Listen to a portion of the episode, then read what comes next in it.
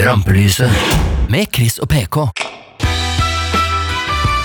Marion Ravn er en spesielt spennende artist med en spesielt spennende karriere. Som 14-åring reiste hun til USA med sin venninne Marit Larsen for å bli internasjonal popstjerne. Fire år og tolv millioner plater senere vender hun tilbake som soloartist, og i dag kan hun se tilbake på et stort musikalsk repertoar fra en uvanlig lang katalog med utgivelser. Hun har opplevd det meste en artist kan oppleve. I utlandet er hun kjent som Raven, i Norge som Marion, fra utallige utgivelser, opptredener og TV-show. Vi har fulgt henne i snart 23 år, og gleder oss fremdeles til fortsettelsen. Marion, hjertelig velkommen i Rampelyset. Tusen takk. Chris jeg har gledet oss veldig til å snakke med deg, for det er så mye å snakke om. Hva starter vi med, Chris?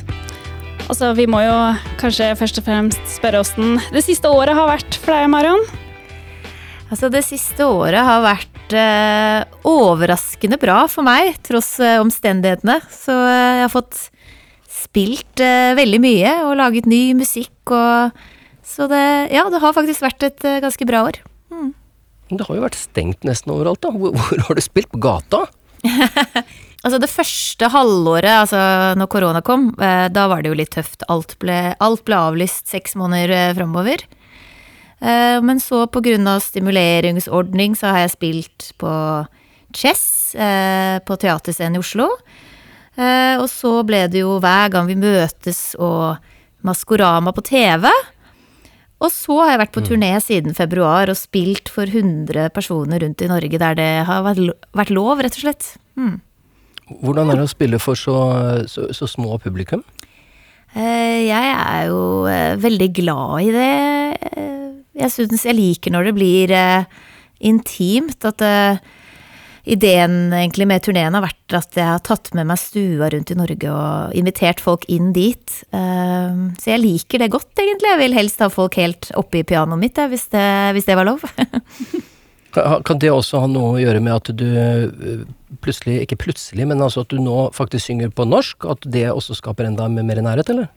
Ja, altså jeg merket uh, stor forskjell etter jeg begynte å synge på norsk på, uh, på live-publikum. At jeg At jeg Ja, de Jeg holdt på å si, for ikke finne et bedre ord, connecter. et engelsk ord, men uh, at jeg connecter bedre med de, rett og slett. Mm. Før så sang du jo på engelsk, og for å starte helt fra begynnelsen, egentlig. Hvem var unge Marion? Tror jeg helt siden jeg ble født var veldig opptatt av musikk, og startet å synge i treårsalderen. Og ville synge i kor, og begynte å spille piano jeg var åtte år, så det handlet alltid om eh, musikk og om å stå på en scene. Det, det var eh, det viktigste for meg, og det er det jo fortsatt. Hva tenkte foreldrene dine da, når du gikk videre og, og plutselig så ut til å ønske å ha musikk som levevei? Veldig ung? Eh, ja, altså først, jeg tror første jobb jeg hadde eh, var når jeg var syv år. Da eh, var jeg julenisse på det lokale kjøpesenteret og, og fikk 100 kroner i timen eller noe sånt. Så, så jeg begynte allerede å leve av det når jeg var syv. Og 100 kroner var mye da? Ja, det var mye. Eh, så jeg tror mamma og pappa skjønte tidlig at, eh, at det var noe spesielt her, da. At, eh, så de har vært helt fantastiske hele veien og støttet opp og kjørt meg rundt omkring på kor og piano og teater og auditions og ja. De har støtta opp hele tida, er det korte svaret egentlig, og Ja. ikke noe problemer på foreldresiden.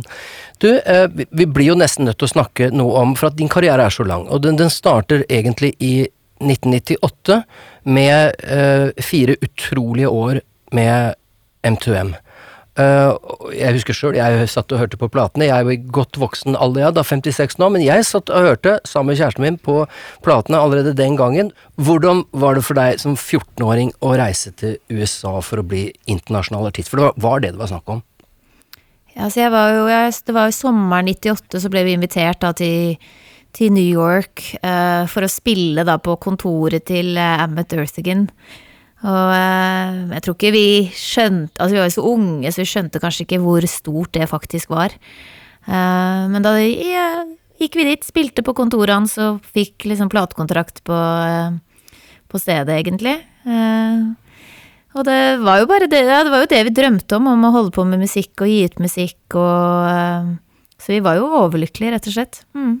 Når dere var i USA, var det sånn at foreldrene deres stilte noen krav i forhold til skole? For dere måtte jo reise Reiste jo vekk en periode.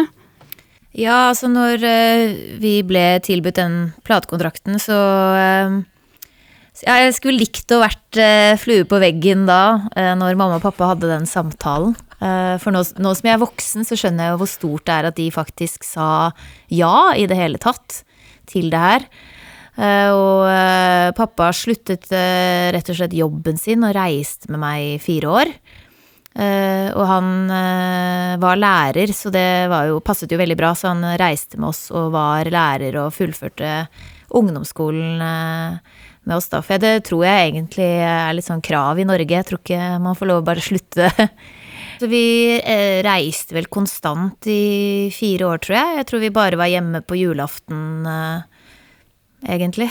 Det var eh, veldig intenst. Vi var nok eh, sikkert borte hvert altså 300 dager i året. Vi var aldri hjemme, og aldri på samme sted mer enn eh, tre-fire dager, sikkert. Så, så det var liksom skole på, på veien, da.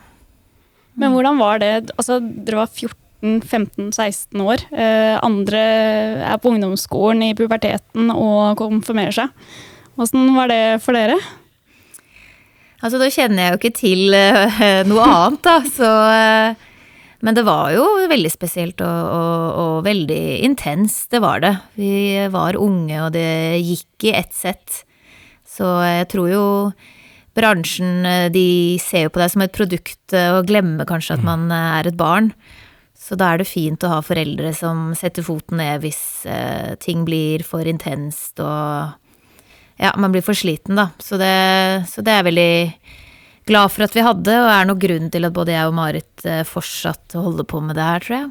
USA er en ganske mye mer kynisk eh, platebransje enn eh, det man kanskje er vant til i Norge.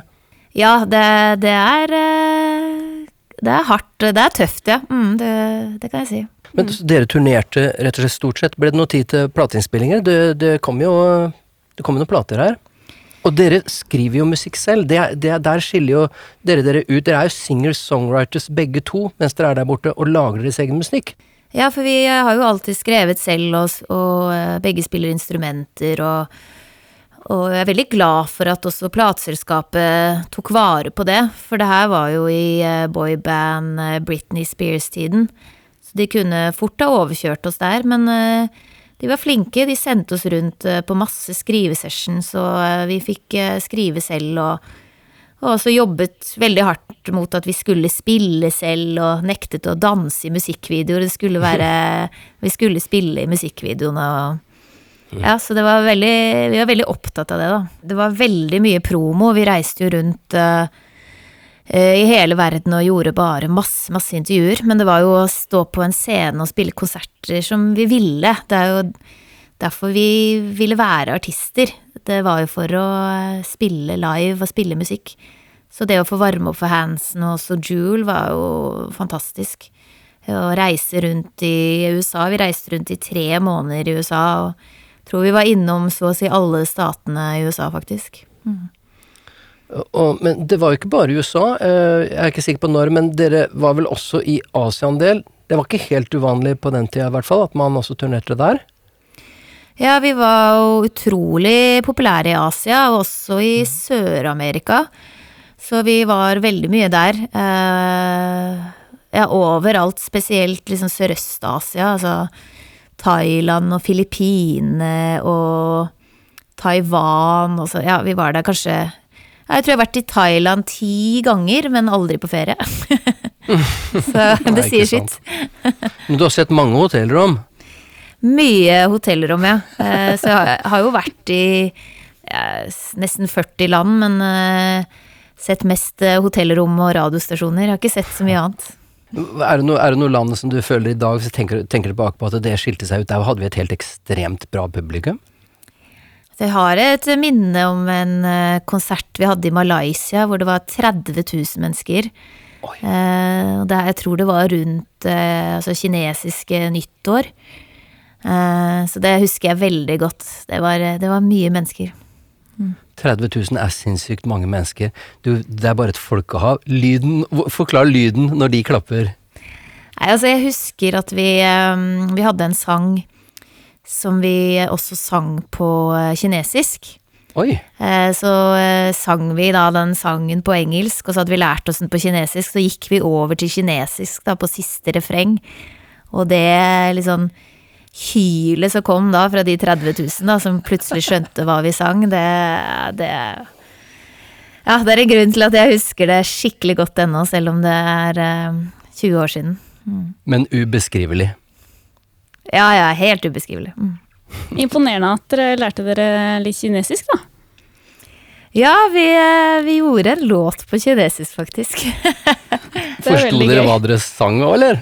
Eh, nei, vi hadde jo fått en oversatt, eh, og så var det Var det en eh, Hva var Jeg tror det var en eh, dame fra Taiwan, tror jeg, som var med i studio da, og passet på at vi sang dette riktig, og at det ikke var eh, helt ræva. At, at man tok, det, tok språket på alvor, da. Mm. Ja. Men eh, så, etter to album, så, så er eh, M2M blitt historie. Eh, du kommer tilbake i 2005, eller i hvert fall er det da du starter din solokarriere. Max Martin produserer. Eh, og ikke alle vet kanskje at det er vel kanskje verdens største popprodusent, og kanskje popkomponist også. Hvordan kom den kontakten i stand, og hvordan i all verden var det å jobbe med verdens største popprodusent? Altså, jeg, når jeg begynte med første soloalbum, så var jeg ute og skrev, hadde skrivesessions, og så jobbet jeg med en del låtskrivere i Stockholm. Og da hadde ryktet gått at jeg var der og holdt på, så da kom han innom studio jeg jobbet i, og ville hilse på meg, og inviterte meg til hans studio, hvor han hadde lyst til å å prøve, seg, prøve en låtidé på meg, da, og se øh, hvordan det var. Og det var faktisk låten Here I Am, som endte opp å bli singel og albumtittel. Så da dro jeg i studio og jobbet med han, og så gikk det veldig bra, veldig god kjemi, og endte opp å flytte til Stockholm og jobbe med han et år. Og spille inn en hel øh, plate. Veldig, veldig lærerikt og, og fint. Ja, veldig bra fyr. Mm. Forstår du hvorfor han eh, har oppnådd den suksessen han har oppnådd? Det forstår jeg veldig godt. Han er en fantastisk eh, låtskriver. Han har jo helt ja, Ideene som kommer, det er så catchy eh, og hardtarbeidende. Og veldig perfeksjonist også, så det, det skjønner jeg veldig godt. Og så uh, går det ikke mer enn et eh, par år, og så er du søren meg tilbake med mer Jeg vet ikke om vi skal kalle det powerrock, det er rock, uh, poprock, da. Nytt album, uh, litt samme stil. Jeg fikk et nytt uh, plateselskap, et sånn indie-plateselskap i USA. og så endte de opp å lage en ny versjon av uh, førstealbumet. Så det er liksom noen få nye sanger, bare. Så for meg så ser jeg ikke helt på det som et nytt album, da. Jeg føler at det er bare en sånn ny, ny versjon, på en måte. Hvor lei var du av alt styret da? Det hadde vært ganske mange år. Mye, mye slit med M2M. Ett album eh, solo, og hvor var du hen da? Hva, hva tenkte du, hva følte du da? Nei, altså jeg har jo alltid elsket å jobbe med musikk og være artist, og ville fortsatt det.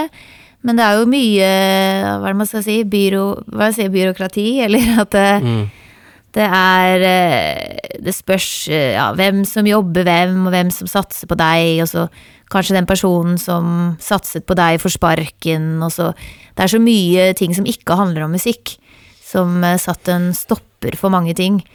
Så det var jeg utrolig lei, husker jeg, på den perioden der. For jeg ville jo bare gi ut musikk og dra ut og spille, og så Ja, så er det så mye annet i den bransjen, da, som eh, Som eh, spiller inn, liksom. Ja. I 2010, X-Faktor. Da er du på TV-skjermen live. Hvordan, eh, hvordan var det? Nei, jeg husker at jeg bodde i eh, Jeg bodde i LA på det tidspunktet og jobbet med ny, hadde jobbet med ny plate en stund, og så ble jeg spurt om jeg ville komme til Norge og gjøre X-Faktor. Eh, Og ideen var jo egentlig bare å eh, dra hjem og gjøre det, og så dra tilbake til USA. Men da var det fantastisk å komme hjem og eh, få lov til å jobbe med TV. Jeg syns det var utrolig gøy. Og endte faktisk opp å bli værende hjemme da, etter det. Mm, så det var litt sånn jeg kom meg hjem. Så altså, du flytta hjem etter X-Faktor? Mm. Ja. Så, eh, nei, så jeg bruker jo å tulle. Jeg var, på, jeg var gjest på Beat for beat uh, i fjor, og da, da sa jeg liksom om Atle Pettersen, så sa jeg I, I made that bitch famous, sier jeg. For det var jo jeg som var mentoren hans i X-Faktor. Ja, ja, ja. ja.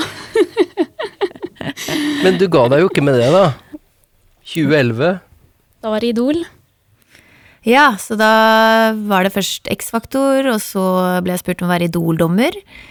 Så da gjorde jeg det, Det så syntes jeg var veldig fint å kunne bruke min erfaring, min kompetanse på eh, unge talenter, og forhåpentligvis kunne gi dem litt råd og ja, fortelle dem om både ja, komme seg vekk fra fallgruver, for eksempel, og ja, vite at de må jobbe hardt, da. Mm. Så jeg likte det godt. Mm. Ga TV deg mersmak? Ja, jeg syns det er utrolig gøy, eh, gøy med TV og veldig gøy å være dommer. Så, det, så lenge det handler om musikk, da, vel å merke. Jeg eh, har ikke tenkt til å være med på noe Farmen eller eh, Eller noe Kompani Lauritzen eller sånt. Det, det får handle om musikk. Fem år går. I 2012 så begynner du å få lyst til å jobbe med musikk igjen, altså. For da er det comeback. Colors turn grey. Ja, altså det, jeg må si da eh, at jeg har jo jobbet med musikk hele veien. eh, Men da fikk jeg endelig eh, gitt ut ny musikk igjen. Og det var veldig, veldig deilig å være i gang. Så da eh, begynte jeg å skrive og spilte inn en plate som heter Songs from a Blackbird. Mm. Blackbird, ja. Hvor kommer det? Det er ditt eget selskap, det. Ja, altså det er jo litt med Altså navnet mitt, Ravn, da. Eh, det er en svart fugl, og så har jeg en gitar som jeg kaller Blackbird. Er Kaller du gitaren din Blackbird? Ja. Eh, og så er, ja, så er det jo alltid litt Beatles, da. Kjenner igjen den? Blackbird singing in a dead of night. Ja, fin Kan du den? Jeg kunne den Take før, these Ja, du kunne, ja. men eh, det er eh, sikkert 15 år siden jeg kunne den. Det er en koselig gitarlåt, da. Ja. Den spiller jeg på alle vorspiel og nachspiel. um, I 2013, det er jo som å, hvert år eh, rad på rad her nå, så er det hver gang vi møtes i 2013. Mm. De fleste som har vært med i Hver gang vi møtes, snakker varmt om hvordan det var. Men hvordan, hvordan var det for deg? Nei, for meg var jo hver gang vi møtes et vendepunkt eh, i karrieren min. Det var uh, utrolig bra for meg å få være med på det programmet, for da ble Følte jeg at det norske folk ble kjent med meg uh, som artist, og de fikk se at jeg var låtskriver og musiker og uh, Ja, du, jeg fikk på en måte startet karrieren min igjen i Norge som artist. Så fikk fortalt min historie og Nei, det hadde det hadde vært som dag og natt eh, etterpå, altså, etter det programmet. Hmm. Jeg har sett alle programmene sjøl, og husker godt at du var der. Og du fremsto da, spesielt fordi at du synger jo andres sanger, dine tolkninger av andre sanger, og fremstår da som en veldig dyktig vokalist. Ikke bare en artist eller en låtskriver, men faktisk en veldig dyktig vokalist. Takk, takk.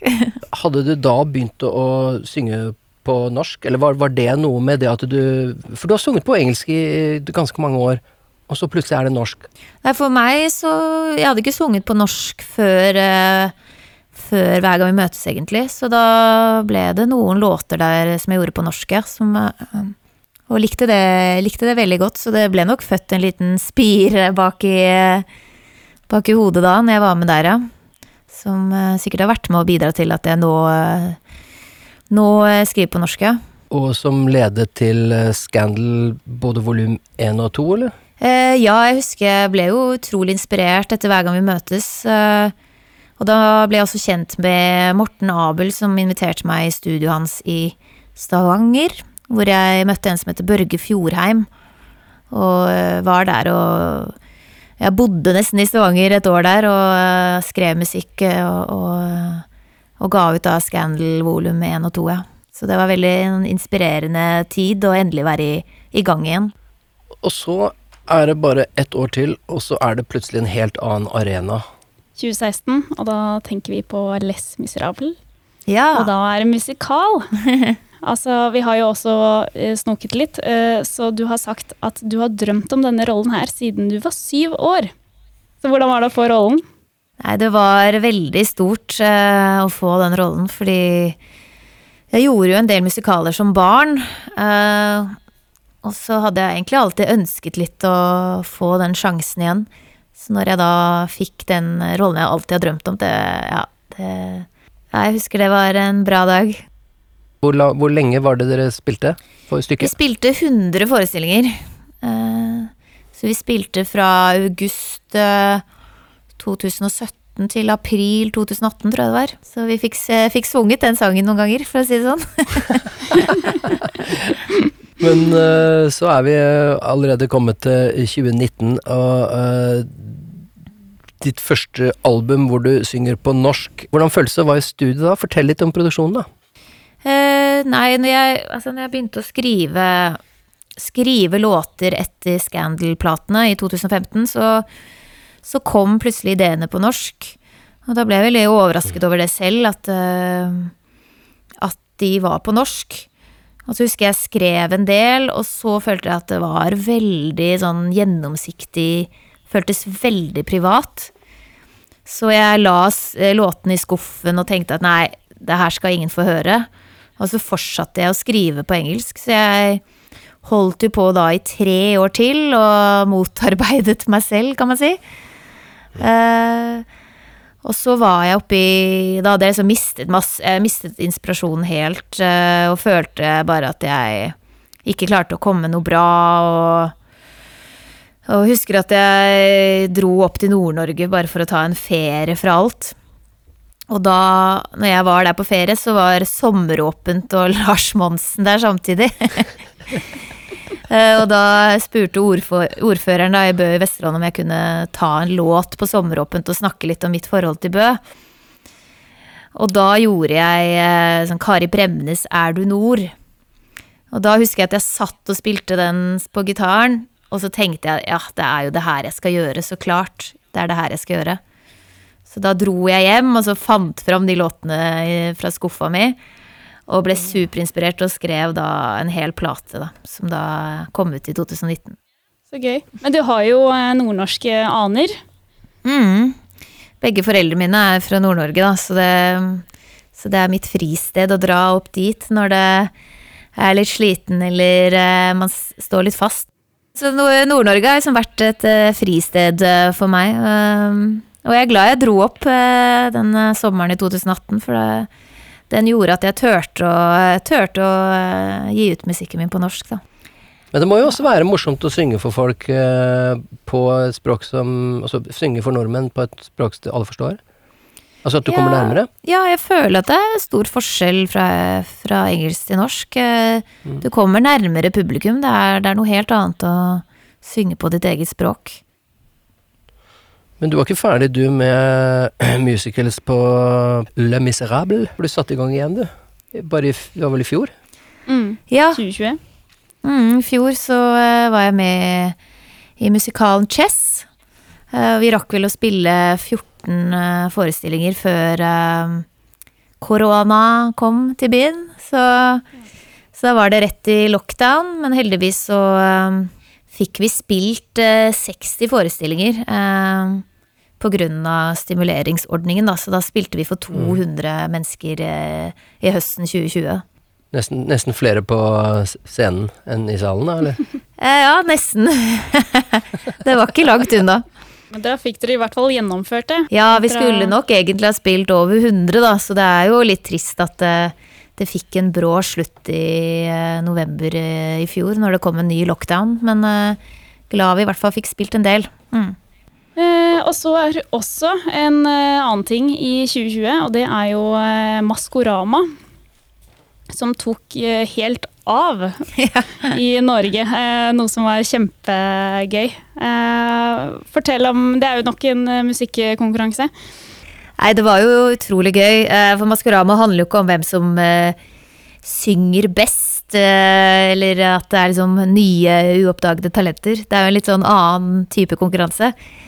Eh, Men det var så utrolig gøy. Jeg storkoste meg, gleder meg til jobb hver lørdag.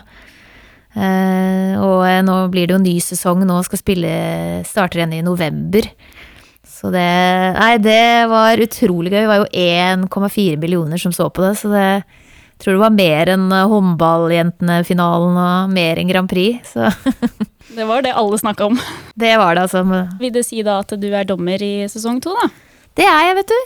Ja, så Så, gøy. ja, så vi er hele samme gjengen uh, nå til uh, neste sesong. Mm. Ja, men det, blir, eh, det gleder vi oss til. Vi skal snakke litt om, om planer fremover utover Maskorama. Men noen sånne, sånne generelle sp- spørsmål som kan prøve å avdekke litt grann om hvem Marion er, sånn utenom karrieren. Ok, ja. En ting som jeg lurer på, da, det er, det er jo liksom du, du har vært ek ekstremt mye i media i, veldig mange år. Eh, og når du leser, hvis du da leser om deg selv i media, hvor er det du oftest opplever deg som typ misforstått? Uh, altså, jeg, jeg tror nok at jeg opplevde det mer før, når jeg var yngre. Uh, men nå er jeg, føler jeg egentlig at jeg uh, er, får vært veldig meg selv, både på TV og når jeg gjør intervjuer og eh, Ja, jeg syns egentlig at jeg ikke er så misforstått lenger, rett og slett. Uh, nei, så jeg føler at jeg nå mer og mer uh, får vist eh, ja, hvem, hvem jeg er, og hvem jeg er som artist. Så jeg syns uh, journalistene har vært flinke. Kanskje det har noe med å bli voksen å gjøre, men det slår meg at du ser ikke en dag eldre ut enn du gjorde for 20 år siden. Hvordan nå det er mulig? Tusen takk.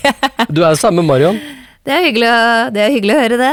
Uh, hva får deg til å føle deg inspirert? Hva, eller hva liker du best? Uh, altså, jeg blir jo uh, Kan bli inspirert av mye forskjellig. Det er jo først og fremst eh, i livet, da, at man eh, Alt fra når livet går bra eller livet går dårlig. Det er jo da jeg ofte blir inspirert. Eh, men det kan også være en bra bok eller en film eller eller rett og slett, jeg trenger å kjede meg litt, da. Jeg trenger å ha litt så flere dager hjemme hvor ikke det skjer så mye. Det er da jeg ofte setter meg ned og skriver. Er det noen favorittbok, da? Eller, film som bare kommer det i hodet med en gang? Jeg vet ikke om det er inspirert kanskje til så mye skriving, men jeg elsker jo den eh, Almost Famous. Det er min favorittfilm, da. Som handler om eh, 70-tallet og turnélivet og er jo et fantastisk soundtrack også. Ja, helt fantastisk film. Bok, da leser du mer enn du ser på film, eller? Eh, nei, litt begge deler. Eller Jeg er veldig glad i å lese. Eh, akkurat nå driver jeg og leser krim. Nå er det Unni Lindell som gjelder. Uh, musikalspørsmål. Har du opplevd at uh, musikken din gjorde noe med publikum som du ikke forventa?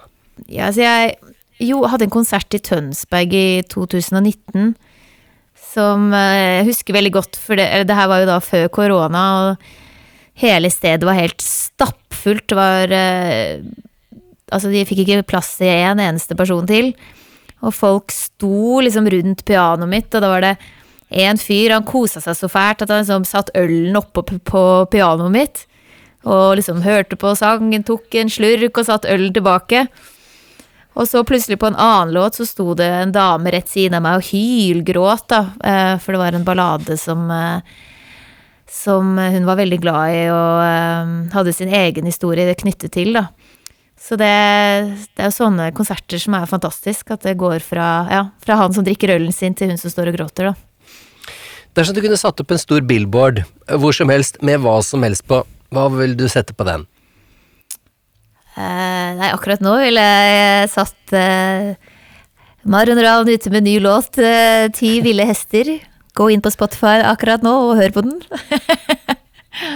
Da er den videresendt allerede, her i hvert fall. Hva er det beste komplimentet, da, som du noen gang har fått? Nei, det Jeg vil jo si eh, det du, nett, det du sa litt tidligere, tidligere at eh, du syns at jeg var en bra vokalist når du så på Hver gang vi møtes. Eh, Det syns jeg var veldig fint å høre. Hvis du kunne velge tre personer å ha middag med, levende eller døde, hvem, hvem ville du invitert? Stevie Nicks eh, hadde vært der, i hvert fall. Kanskje Anne Grete Preus? Kanskje Elton John hadde vært gøy? Wow. Han er jo fremdeles tilgjengelig, da. Det er sant. og, og Stevie Nicks også. Ja, jo jo. Absolutt.